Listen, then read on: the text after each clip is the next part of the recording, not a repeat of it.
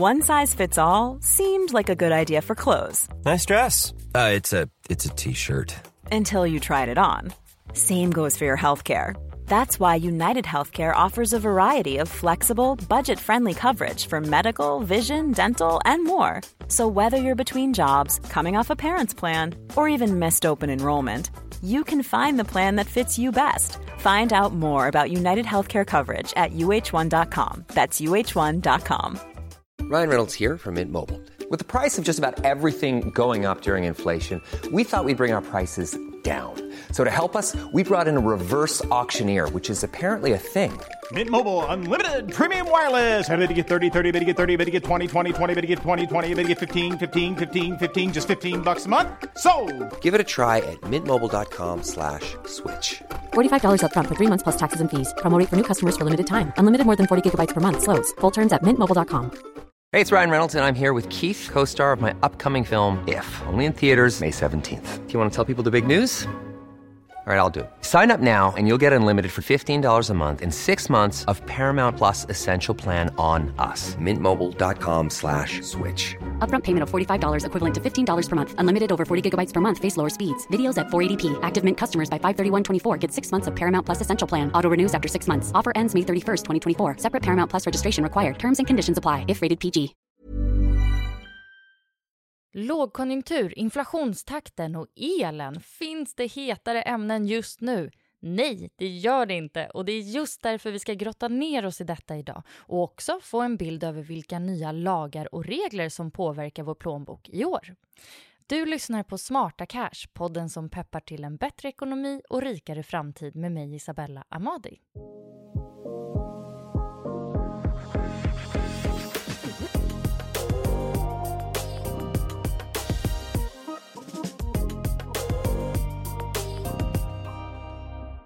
Ja, i den här podden räds vi inte tuffa tider utan vi tar oss an dem på bästa sätt, nämligen genom att dra upp huvudet ur sanden och prata med folk som har koll. Och koll har absolut dagens gäst. Hon är sparekonom på Saver och heter Sharon Lavi. Välkommen! Tack så mycket, vad roligt att vara här igen. Jättekul att ha dig här igen. Det är ju ett välkommen tillbaka till dig, absolut, för du var med här för två år sedan. Ja, det går snabbt. Det gör det. Och den gången vill jag minnas att vi pratade om familjeekonomi, vilket var väldigt spännande. Mm. Eh, och nu ska vi prata om läget i ekonomin kan man väl säga. Det påverkar ju också mm. alla familjer. Ja, precis, det gör ju det. Det är många som nog tycker att det är ganska tufft just nu. Mm, verkligen, eh, på många sätt. Det har ju känts som smäll på smäll på smäll för många. Mm. Eh, och vi ska ju prata lite om vad vi har framför oss nu. Eh, och jag tänker att vi börjar att ta avstamp i något som det har snackats väldigt mycket om på den senaste tiden, nämligen lågkonjunktur. För nu sägs det alltså att vi är där, men vad mm. innebär lågkonjunktur?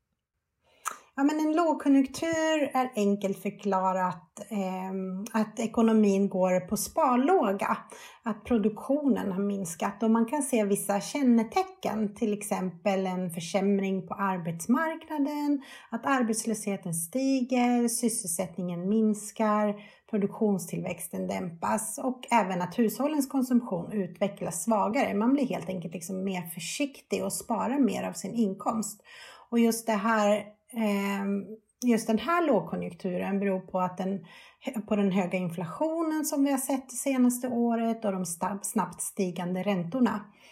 Och eh, om vi pratar lite snabbt om den stigande inflationen, är ju, den beror ju på till en från början att, att efterfrågan steg väldigt snabbt efter corona, efter pandemin, eh, än vad utbudet eh, fanns. och eh, E-, efter en sån period så såg vi också att det blev eh, väldigt höga eh, energipriser, främst i Europa på grund av kriget i Ukraina.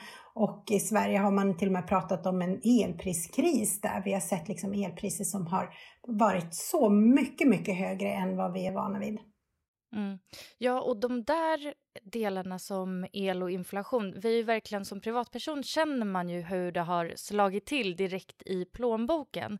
Men eh, lågkonjunktur i sig, alltså hur, hur drabbar det oss som privatpersoner? Är det verkligen så illa som man kan få känslan av?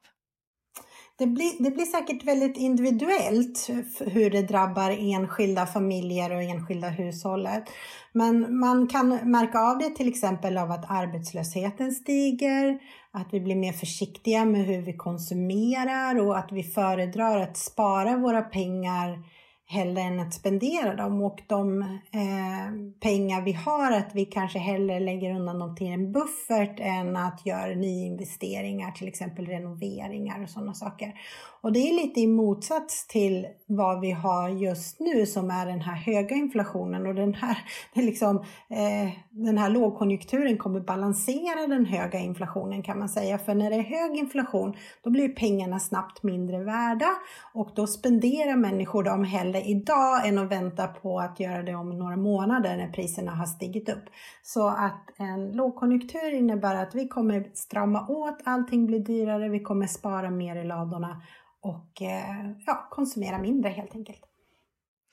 Eh, hur kan man då planera om det här är lite det som är både syftet och kanske hur man ska agera under den här tiden.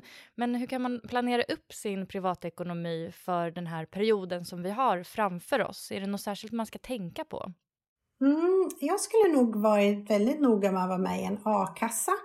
Eh, ha kanske en inkomstförsäkring via facket eller låneskydd om man har stora lån som kan skydda ekonomin för inkomstförluster. Då. Eh, jag skulle vara mer restriktiv med att ta, ha smålån och krediter och kanske ta tag i det om man har, vet med sig att man har många kreditkort och sådana saker, försöka betala av dem. Så, för de tickar ju också upp i ränta nu under den här tiden som har varit. Ehm, och också för att stärka sin ekonomi och såklart även se till att man har en buffert för oförutsedda händelser. Mm bufferten. Den eh, återkommer alltid. Mm, ja, den gör ju det. Vad tycker du är en bra buffert? Behöver man eh, justera nivån på sin buffert eh, inför lågkonjunkturperioden? Ja, men kanske. Alltså, vi har ju sett priser som har ökat och även om inflationen kommer sjunka så kommer inte priserna backa tror jag. Alltså vi kommer inte se lägre priser på sikt utan de kanske kommer, utvecklingen kommer stanna av. Så det är alltid bra att justera för de nya utgifterna man har för nya räntehöjningar och sådana saker. Eh, men en bra buffert måste man utgå ifrån sin egen situation och det säger sig själv att en familj kanske på två vuxna och två barn som bor i hus, kanske har två bilar där mycket mer, mer kan gå fel behöver en större buffert och kanske på fyra till sex månadslöner medan en person som bor singel i en lägenhet, en hyreslägenhet där det mesta som går sönder kanske repareras av hyresvärden, kanske inte ens har en bil. Man behöver inte en lika stor buffert, så det kanske räcker med en till två månader månadslöner. Mm. Mm. Hur länge kommer lågkonjunkturen hålla i sig? Ja, men Konjunkturinstitutet bedömer att den svenska ekonomin går in i lågkonjunktur nu 2023 och kommer väntas vara till 2027. Eh, det betyder ju inte att vi inte kommer se en vändning innan dess utan vi, förmodligen kommer vi se en vändning redan kanske 2024, 2025 men det kommer fortfarande vara på lägre takt än normalt fram till 2027. Um, ehm, och det kommer ju som sagt eh, påverka även tillväxten i Sverige så det påverkar både företag och privatpersoner såklart. Ja, det, det är lite tid till 2027. Ja, det är, det är en bra bit kvar. Om vi tittar på 2023 då. Mm. Eh, mm. vilka nya regler och lagar påverkar vår privatekonomi i år? Ja, alltså det är en hel del smått och gott. Ehm, det som kanske berör många det är just det här att schablonbeloppet för kostnader för arbetsresor med egen bil har höjts. Det var ju lite diskussioner med förra regeringen huruvida man skulle göra, reformera om avdraget helt så att alla som hade eh, åkte till jobbet fick en eh, ja, någon slags avdrag beroende på, på eh, oberoende av, av färdsätt så att säga. Men det, det slopades och nu har alltså man höjt ersättningen från 18,50 till 25 kronor per mil eh, i stora drag. Och sen har vi även avdraget för drivmedel, för drivmedel vid arbetsresor med förmånsbil höjts från 6,50 till 9,50 Nej, förlåt. Från 6,50 och 9,50 upp till 12 kronor. Så man har höjt det liksom i två steg. Ehm, och sen har ju jobbskatteavdraget förstärkts för personer som har fyllt 65 år. Eh, så det är någonting nytt och så, samtidigt som man har gjort det så har man eh, höjt åldersgränser för att ha rätt till förhöjd grundavdrag. Det är någonting som har upprört många eh, som precis eh, har gått i pension för då har man eh, höjt åldern från 65 till 66 år och det har gjort att just en omgång som jag tror är födda 58 eller 57 har liksom blivit snuvade på ett mm. år så att säga. De hamnade i skarven där.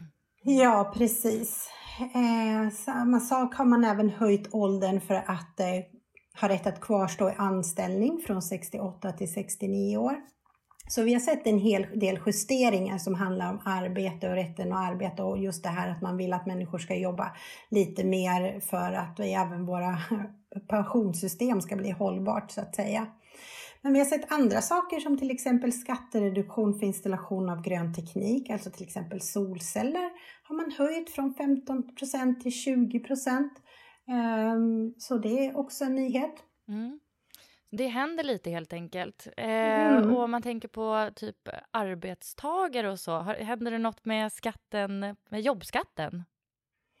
Nej, men det har inte blivit så mycket med jobbskatten i, i den här budgeten som presenterades i höstas. Och eh, det eh, är ju lite oortodoxt kanske för en blå regering att inte ha några sådana skattesänkningar. Men samtidigt så är vi inne i ett läge där inflationen har, väldigt, har varit väldigt hög och man vill då eh, inte elda på i ekonomin helt enkelt. Man vill inte att priserna ska höjas ännu mer. Däremot har man gjort vissa punktinsatser, eh, till exempel att man har sänkt eh, energiskatten på bensin och diesel eh, tillfälligt under tre år. Nu var det inte de här fem kronorna man pratade om utan det blev bara en krona per liter. Men det är i alla fall en, eh, någon slags symbolpolitik för att regeringen ändå, den blåa regeringen gick ändå ut på val att man ska, skulle sänka liksom, eh, bensinpriset kraftigt och, och det blev en krona. Eh, sen finns det så här eh, skatter som har eh, som höjs varje år utan att någon riktigt reflekterar över det. Eh, till exempel energiskatten på el har höjts med 9% och det är ingen som pratar om det. Trots att vi ligger just nu i en elpriskris som vi kallar det för så har energiskatten höjts. Det är någonting som man kanske skulle kunna titta på. Flygskatten har höjts, så, men även skatt på öl och vin och sprit har höjts. Liksom. Så ehm, ja, det är sånt där man får tugga i sig helt enkelt. Mm, ja, intressant det där att det inte har pratats mer om just eh, elen där, eftersom mm. att det är ju typ den hetaste potatisen. Verkligen. Ja, ja jag tycker också det att, eh, att man pratar mycket om elprisstöd, men, men att energiskatten eh, indexeras upp per automatik. Det, den punkten har man kanske inte tittat på. Vad säger du om de här förändringarna och liksom på ett större plan? Var är vi på väg? Är det här liksom något typiskt borgerligt som eh, pågår eller vad, vad sker? Nej, nej, alltså, nej, det skulle jag väl inte säga. Jag skulle väl säga att det här är stramare än normal borgerlig politik och man har väl fått inse att man kan inte gå och infria alla vallöften eh, kanske som man felaktigt har gett ut i ett läge där vi har sett en väldigt hög inflation utan man måste försöka kyla ner eh, Eh, inflationsläget för att inte vi ska få en bestående inflation och ännu fler räntehöjningar som faktiskt får många hushåll att gå på knäna. Eh, men eh, ja, som sagt, vi ser inga radikala skattesänkningar på arbete. Så det kanske vi kom, kommer i framtiden om något år eller så när vi är inne i lågkonjunkturen och det kan vara mer motiverat att liksom ge ytterligare stöd till hushåll. Låt oss gå in lite på det här med inflationen då. När vi spelar in det här så är den senaste rapporten att inflationstakten ligger strax över 10 procent. Mm. Eh, vad kan vi vänta oss hända med inflationen 2023? Vi kan nog vänta oss att inflationen kommer att successivt börja sjunka under våren. Och det man ska komma ihåg med inflation är ju att priserna idag jämförs med priserna för ett år sedan. Eh, så att för ett år sedan så hade ju priserna redan börjat gått upp. Så då blir mellanskillnaden med årets priser inte lika stor. Så det gör ju att inflationssiffran sjunker även om inte priserna i sig sjunker. Eh, och det är alltså inflationstalet är ett jämförelsetal på priserna idag med priserna för ett år sedan. Och eh, någonting som har bidragit väldigt mycket till just att inflationen har stigit är ju energipriserna och elpriset som fick ett rejält skutt, eller man ska säga, i augusti 2022. Det var ju en chock för många hushåll.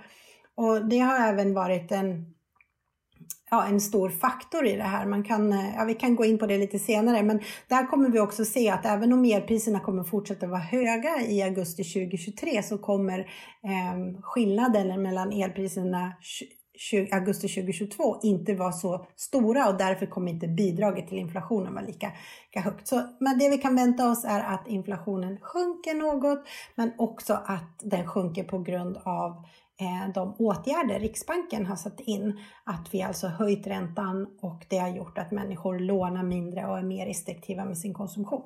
Mm.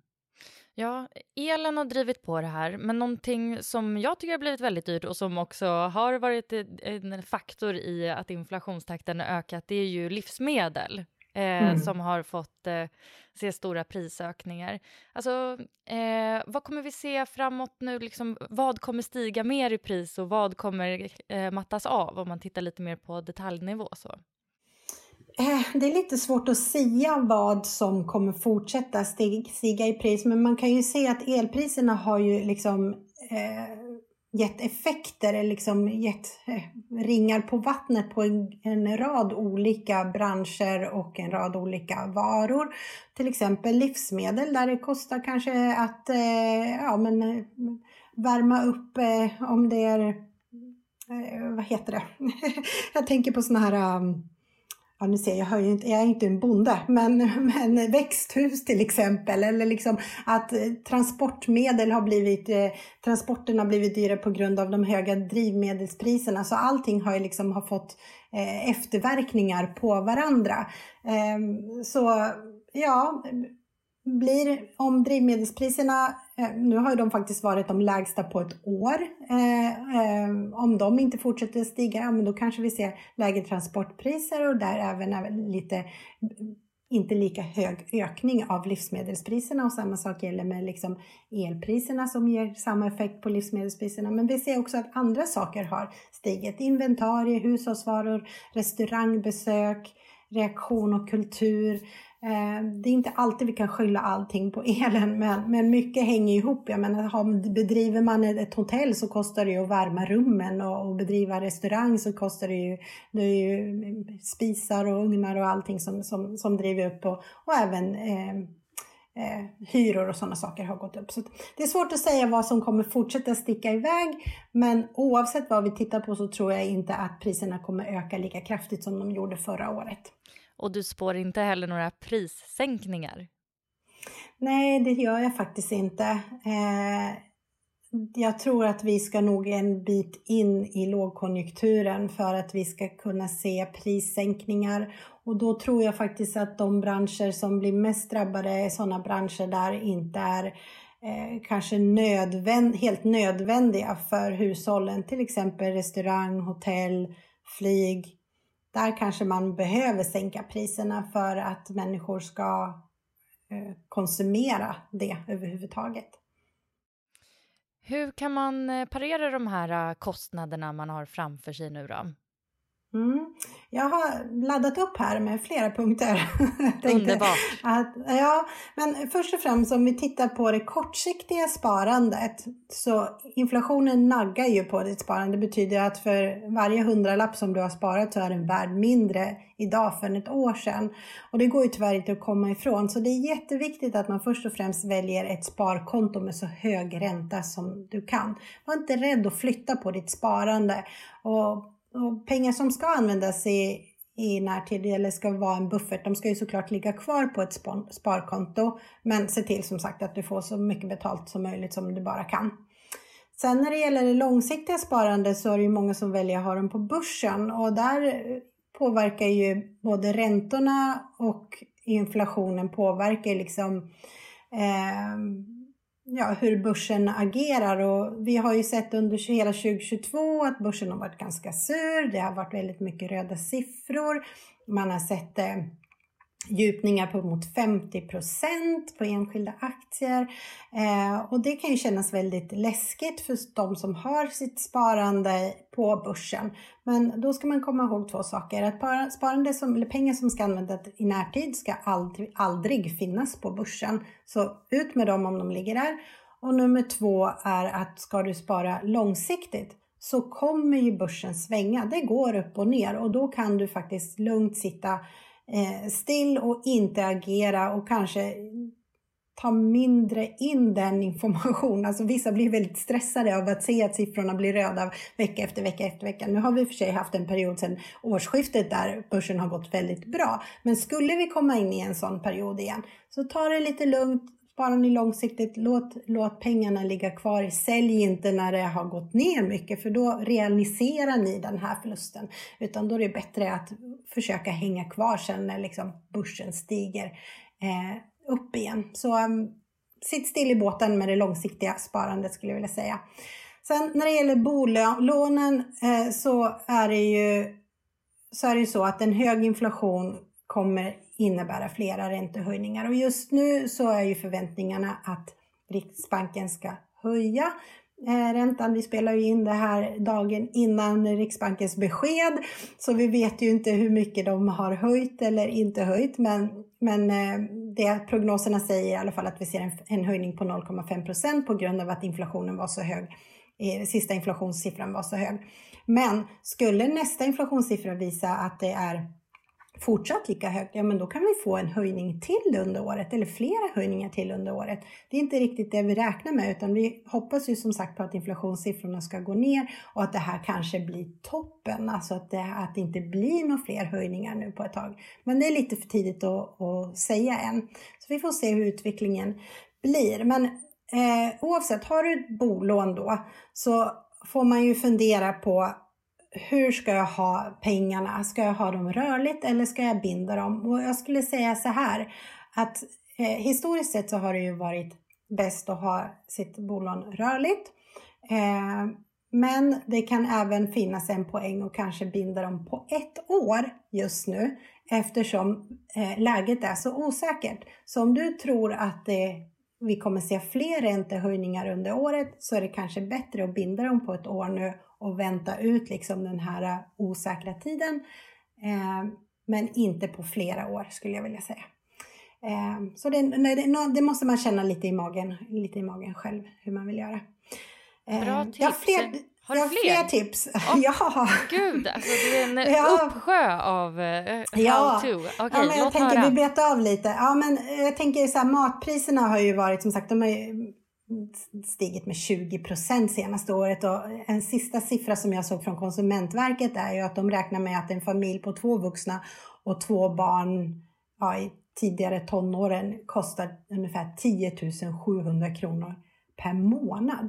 Det är ganska mycket pengar. Ja, men jag är ehm. inte förvånad och då har jag ändå två små barn eh, som inte äter lika mycket som en nästan tonåring. Men eh, ja, mm. ja det kostar ja. typ så.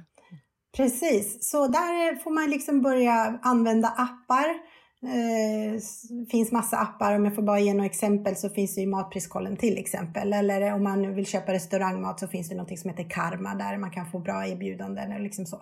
Man är lite smart med maten, att man lagar mer själv, äter mer matlåda. Alltså det här är ju liksom givet för många. Men att man tänker på att matkostnaderna har blivit en stor del av hushållets räkningar och kostnader. Så titta lite extra på det och se om du kan göra, skruva någonting på, på um, dina utgifter där.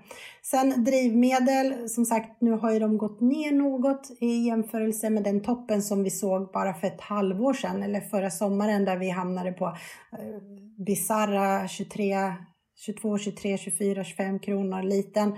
Nu är vi ner på 19 men ja, det är fortfarande mycket pengar så att kan man vara klokare med, med, sin, med sin drivmedelsförbrukning och kanske samla ärenden till en dag eller inte göra massa små korta resor utan ta allting på en och samma gång eller kanske använda mer kollektivtrafik eller cykla till jobbet så, så är det ju bra. Men sen förstår jag såklart att bor man i Norrland och har tre mil till jobbet så är inte det kanske en, ett alternativ. Och sen eh, tänkte jag på det här med arbete.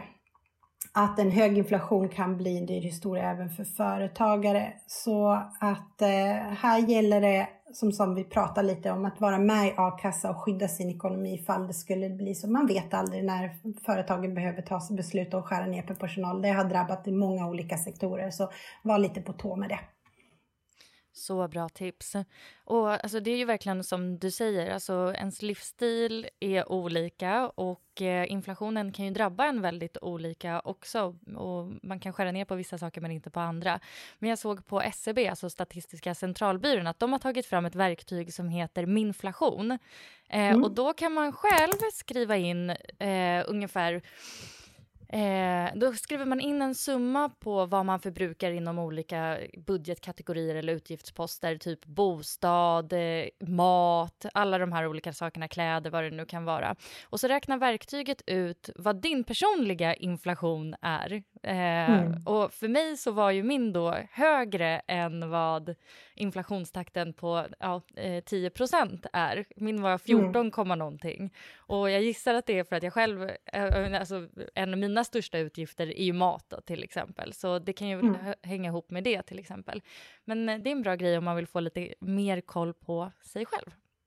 Superbra tips och då slänger jag in ett tips till att om vill man göra en budget så gå in på Konsumentverkets eh, eh, verktyg som heter budgetkalkylen. Så det är bara att googla budgetkalkylen så kan man göra en egen, eh, en egen budget och det kan vara skönt att göra en nu när året precis har börjat och så att man får ha en liten hum om vad, vad pengarna går till. Okej, det alla har längtat efter. Elen. Nu ska mm. vi prata el. Eh, hur har det blivit med elstödet nu? Mm. Alltså nu pratar man om två stycken elstöd. Den ena, det ena elstödet, och det är det som kommer betalas ut nu i februari, det är ju bara till södra Sverige, alltså elprisområde 3 och 4. Medan eh, det andra elstödet, eh, det kommer betalas ut till hela Sverige, alla hushåll i Sverige. Och det vet vi inte riktigt än när det kommer betalas ut, utan det är bara sagt under våren. Så det finns pengar att se fram emot. Mm. Hur fungerar elstödet? Jo, men det är så här att elstödet, det första elstödet, det som kommer betalas nu, nu i februari, baseras på en förbrukning som skedde mellan oktober 2021 till september 2022. Och då spelar det faktiskt ingen roll om du bodde i den bostaden som elstödet beräknas på eller inte. Så det kan ju vara så att du till exempel har köpt ett, eh, ett hus nu i eh, säg oktober 2022 och du kommer då ändå få ett elstöd som baseras på förra ägarens förbrukning. Så vi börjar med det, att, liksom att den räknas retroaktivt även om stödet ska vara för eh, årets liksom, eh, förbrukning. Det är många som tycker att det där är lite skruvat lite konstigt. Men den är baserad på förra året så att hela förra, eh, eller hela förbrukningen under ett års tid, alltså från eh, oktober 2021 till september 2022. Hela det eh, förbrukningen, säg att för en medelvilla på förbrukar man 20 000 kilowattimmar så gångrar man det med ett antal öre som beror på om man bor i elprisområde 3 och där alltså man gånger det gånger 50 öre eller elprisområde 4 och där får man alltså gånger det gånger 79 öre. Så säg för mig som bor i elprisområde 4 eh, om jag har förbrukat 20 000 kilowattimmar under den här perioden så kommer jag få ett elprisstöd på 15 800 kronor. Det är alltså 20 000 gånger de här 79 örena. Och det så får det du liksom... även om du inte har bott där? Det får jag även om jag inte har bott där. Sen har jag sett liksom lite eh, frågor kring det där för att i en del avtal när man köper hus så står det att inkomster hänförliga till eh, den perioden som eh, var innan inflytt ska gå till säljaren. Så det där får man kolla på kontraktet, liksom vad som står. Men säg att man bor i en hyreslägenhet och att du då, då är inte förbrukningen lika hög, men då baseras det elstödet på det, den hyresgästen som bodde där innan dig. Så um, man kan ehm. mer säga att det är lite kopplat till bostaden mer än personen?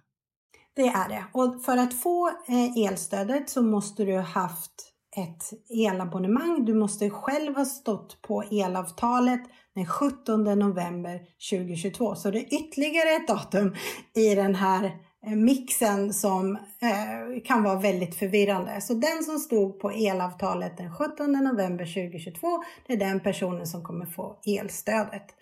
Eh, ja, så det, det, är en del grejer att, att hålla liksom i, i huvudet och räkna på helt enkelt. Eh, det här har ju gjort, får jag också slänga in, att vissa som bor i bostadsrätter där själva föreningen står eh, på elavtalet och sen fördelar liksom eh, elfakturan mellan alla sina medlemmar. Där kommer ju inte medlemmarna alltså få elstödet utan det går direkt till föreningen och det är de som får besluta vad man ska göra med, peng göra med pengarna också. Eh, vilket kan bli ja, lite bekymmersamt. Så ja. Funkar det likadant för eh, det här andra elstödet? Ja, där, eh, i princip. Eh, den, det stödet beräknas på förbrukningen i november-december 2022. Har, man har inte satt något liksom datum för när eh, den här brytpunkten, alltså när eh, ska, vilket datum är det avtalet ska vara, vara skrivet på personen så att säga. Så det vet vi inte än. Det kommer förmodligen vara något sånt brytdatum också, att man ska kolla att det, det kanske var första november eller sista december eller vad det nu kan vara som personen var skriven för att få just det elstödet. Men eh, ersättningen är lite högre. Och där är det ju som sagt för hela Sverige, för nu har man märkt att elpriserna har stuckit iväg både i norr och i söder. Så de som bor i elområde 1 och 2, vilket är norra halvan av Sverige, de kommer få 90 öre per kilowattimme som de har förbrukat under november och december. De som bor i elområde 3 får 126 öre per kilowattimme och de som bor i elområde 4 får 129 öre per kilowattimme. Ehm, så att det beräknas på ett ungefär samma sätt men stödet är högre. Mm.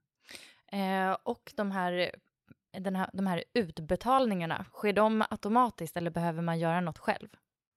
Ja, alltså de eh, sker automatiskt, men det man ska göra är ju att anmäla ett konto till Swedbank. Och eh, gör man inte det, då kommer man få sin, eh, sitt elstöd utbetalat som ett, en avi vilket oftast kostar 50 kronor liksom att lösa in, så det är lite onödigt. Så anmäl konto till Swedbank för att få utbetalningen så fort som möjligt. Sen ska det ske per automatik. Hur länge ska man räkna då med eh, ökade kostnader för el? Även om man får lite hjälp nu, hur, hur blir det med elpriset? Ja, precis. Alltså, tyvärr kommer vi se relativt höga elpriser under hela 2023 och värst är ju fortfarande ja, drabbat är ju södra Sverige, även om Norrland också kommer få något högre priser. Eh, och det ska man väl kan säga om man tittar på ett snitt på vad elen har kostat. Eh, förr om åren så har de legat kanske på 40 öre kilowattimmen. Eh, 35 30, 35, 40 öre kilowattimmen. Och nu är vi uppe i priser som vi beräknar på var över 2 kronor kilowattimmen. Eh, vilket är ganska mycket. Det är en rejäl höjning. Alltså det är nästan fem gånger så dyrt. Eh, men eh, det beror på. Liksom, det finns ju massa olika faktorer som påverkar elpriset. Och det ena är ju gaspriserna i Europa. Det har vi hört talas om att Ryssland har ju strypit liksom gasleveranserna till Europa. Det påverkar priserna. Vi har även det här med överföringsbegränsningar i det svenska nätet och det betyder i princip att vi har inte tillräckligt med elnät, kraftnät att överföra all produktion som sker till exempel i norra Sverige där det producerar mest el till södra Sverige och det gör att priset blir olika i olika delar eh, av landet. Sen kan det också vara saker som att det blåser för lite, vi får för lite vindkraft eller att det rinner för lite vatten i våra åar. Eh, men även att vi får problem med kärnkraften. Till exempel de senaste månaderna har vi sett flera kärnkraftsreaktorer som har haft underhåll, oplanerat underhåll. Vilket också påverkar liksom hur mycket el som produceras och elpriset. Eh, och Där känner man sig har... ju lite maktlös kan man ju säga. Ja, men väldigt maktlös. Alltså, det är inget av det här egentligen som vi svenskar kan påverka förutom att förbruka mindre el. Alltså, genom att förbruka mindre el så blir trycket mindre och därför blir priset lägre. Men Eh, man kommer ju inte under en viss nivå kan man ju tycka. Liksom. Även om man anstränger sig och man tänker att man ska tvätta på kvällarna och nätterna och ladda bilen på natten och allt vad det är för någonting. Och sen så påverkas vi också av den gemensamma elmarknaden som Sverige ingår i genom att vi är en del av Europa. Då. Så ah, tyvärr, jag har inga goda nyheter där. Det kommer fortfarande vara höga Eh, men eh, om vi bara ska hitta något positivt så, så är ju priserna i januari mycket lägre än vad de var i december till exempel. Så yay! Det är ju trevligt. Och vi kan ja. väl också avsluta det här med i alla fall några eh, trevliga tips på hur man själv kan ta lite kontroll över sin elförbrukning. Vad kan man göra mm. för att sänka sina kostnader? Mm. Den största eh, elboven eller eltjuven eller elförbrukningen helt enkelt, det står ju oftast uppvärmningen för. Så där behöver man ju titta till liksom att först och främst så täta läckage som till exempel springor i dörrar, fönster, tak. Eh, se till om man kanske kan sänka eh, värmen hemma lite. Varje grad sänker elförbrukningen med 5 man kan korta ner duschar, hänga tvätt istället för att torktumla är några andra exempel på saker som man kan göra för att dra ner, ja, men ganska alltså påverkbart liksom, elförbrukningen i hemmet. Men det kan också vara läge att se över, liksom, ja, behöver man byta till en effektivare värmepanna eller kanske är det dags att komplettera med solceller om man har möjligheter. Så ja, det är några saker. Vissa blir ju som sagt investeringar, men just om man ska titta på solceller så förr tänkte man att man tjänar in installation av solceller på ja, 10-15 år. Nu är den, den tiden liksom förkortat till 5-6 år eftersom elpriset är så himla högt. Så då tjänar du in liksom den här installationen på mycket kortare tid. Härligt, lite peppigt avslut där ändå. Ja. Eh, dessa tuffa tider. Tack för alla dina förklaringar och bra tips Sharon. Tack för att jag fick vara med igen. Kanonbra. Var hittar man dig om man vill eh, följa dig? Ja, alltså det enklaste är nog att följa mig via Instagram. Där heter jag Ekonom Sharon. Kanon. Eh, och jag heter Smarta Cash Podcast på Instagram och jag hoppas att du följer mig där också. Tack för att du har lyssnat på det här avsnittet. Vi hörs igen nästa vecka. Hej då!